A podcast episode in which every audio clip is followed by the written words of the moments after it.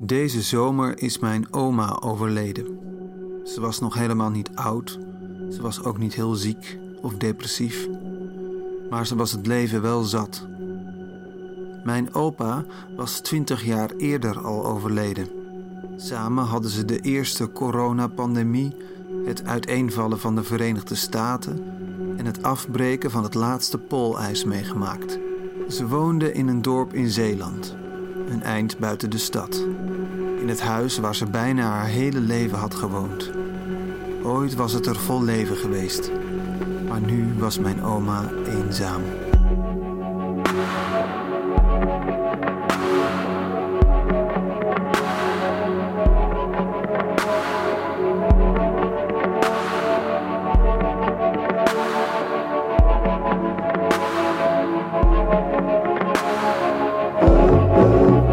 Is Bix, een podcast van Sun City. Aflevering 3: Het eeuwige leven.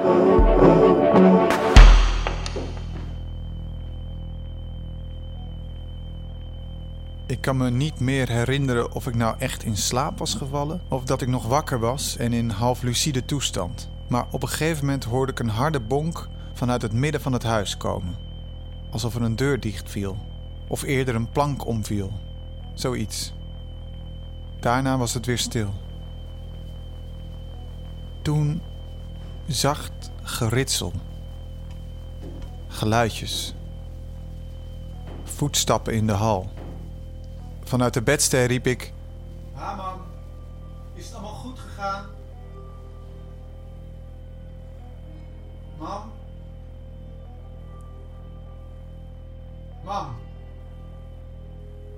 Niets.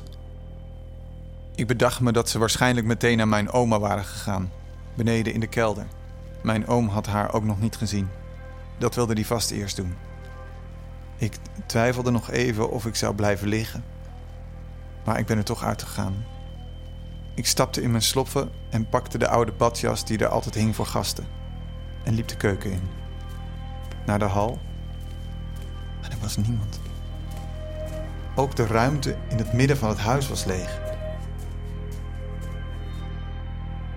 Mam, waar ben je? Nog steeds niets. Ik kon me alleen nog voorstellen dat ze de kelder waren ingelopen en dat ze me daarom niet hoorden. Ik ben met de trap naar beneden naar de kelder gegaan, maar er was niets of niemand. De kist stond er gewoon, alleen het kampeerlampje deed het niet meer. Batterijen waarschijnlijk. Ik zag hem ook niet meer hangen in het donker. Ik ben teruggegaan naar boven en heb besloten dat ik het me ingebeeld moet hebben. Of dat het misschien gewoon de wind was en de deur die dichtviel. Terug in de bedstee was het weer stil. Ogen dicht, rustig ademhalen, slapen. Zo bleef ik een paar minuten liggen. Totdat ik opeens iets geks hoorde. Voetstappen opnieuw. Maar nu niet in het huis, maar buiten, over het grindpad richting het weiland. En even later. Krts, krts. Krts, krts, krts. Ik ben niet snel bang.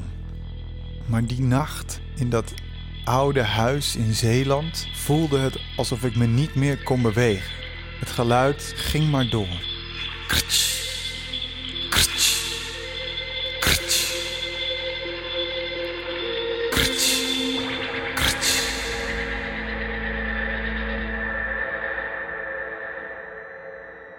Ik stapte uit de bedstee en liep in drie stappen naar het raam.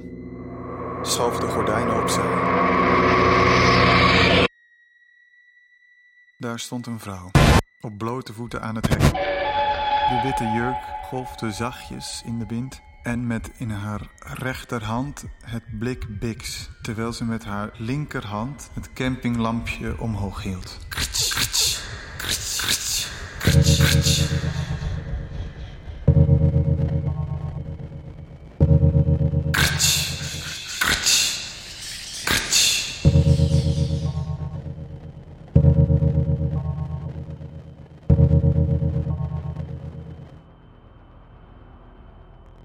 De twee rood-witte koeien stonden al bij haar.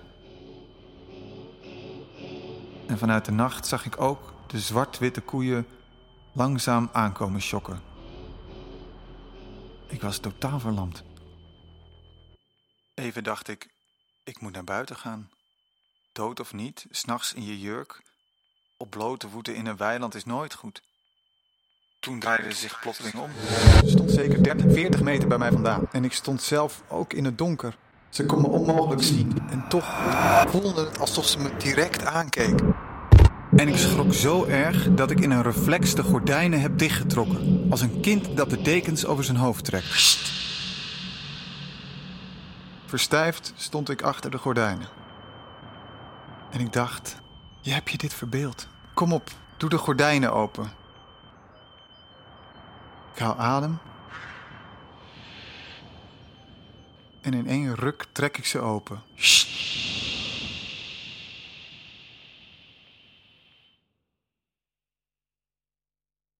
Ze stond een halve meter voor me. Tussen ons in alleen een paar millimeter glas.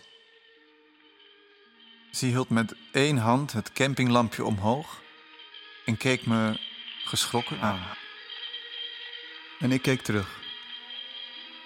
Toen legde ze de wijsvinger van haar andere hand op haar lippen. Daarna een droevige glimlach. En ze liep weg. De hoek om.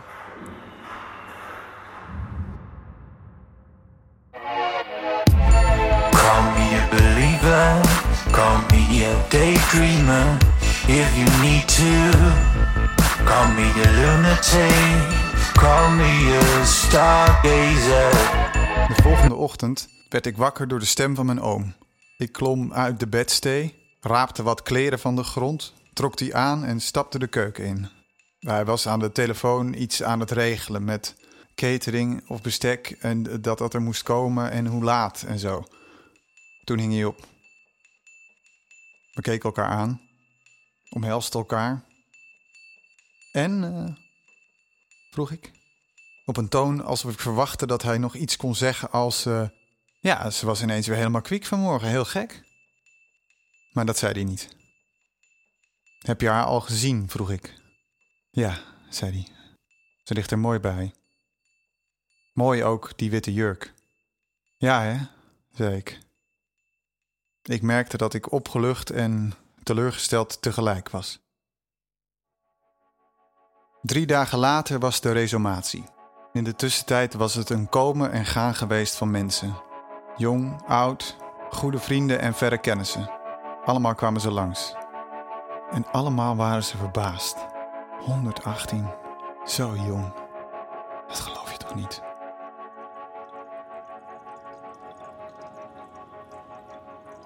Het resumatorium lag aan een herdenkingsveld een dorp verderop.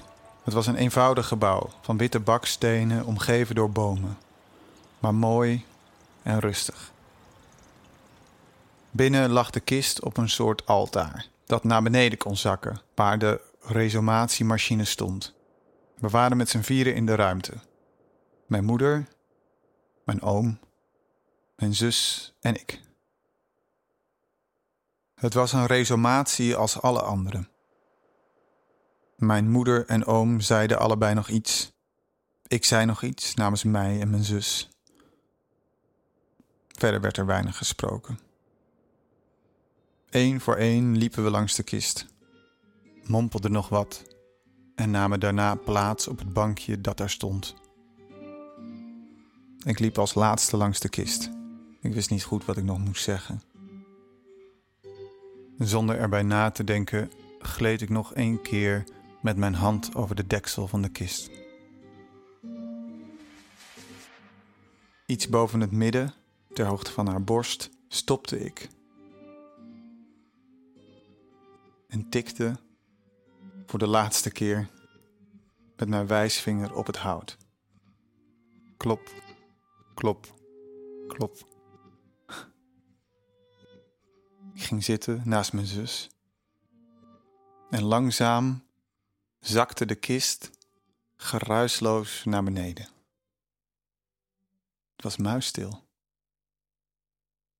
Toen er juist, vlak voordat het luik zich boven de kist sloot, nog iets klonk. Heel zacht.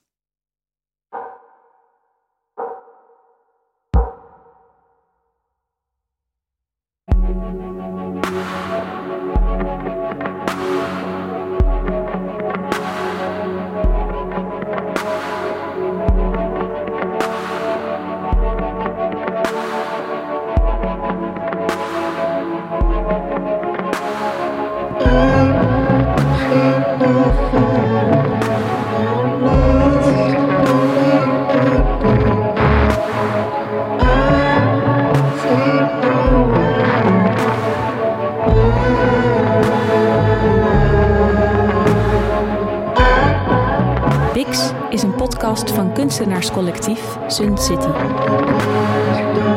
Gemaakt door Frank van Kasteren, Ivo Schot en Jeek ten Velde. Meer over Sun City vind je op wearesuncity.org.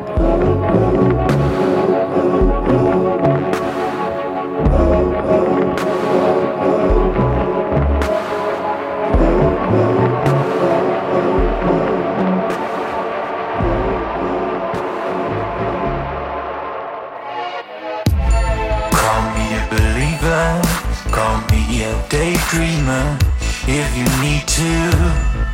Call me a lunatic, call me a stargazer. Now close your eyes, follow my voice. That will lead you to a place where we can be alone. Now, do you feel bad? If we must dance in the dark under a starlit night,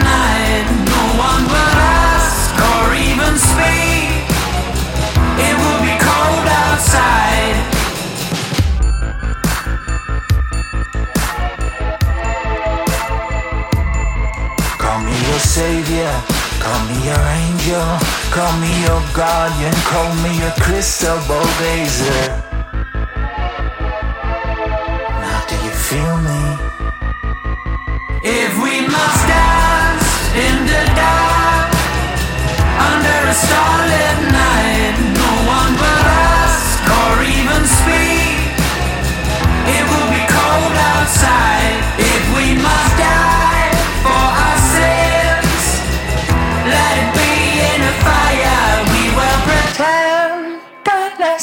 Bye.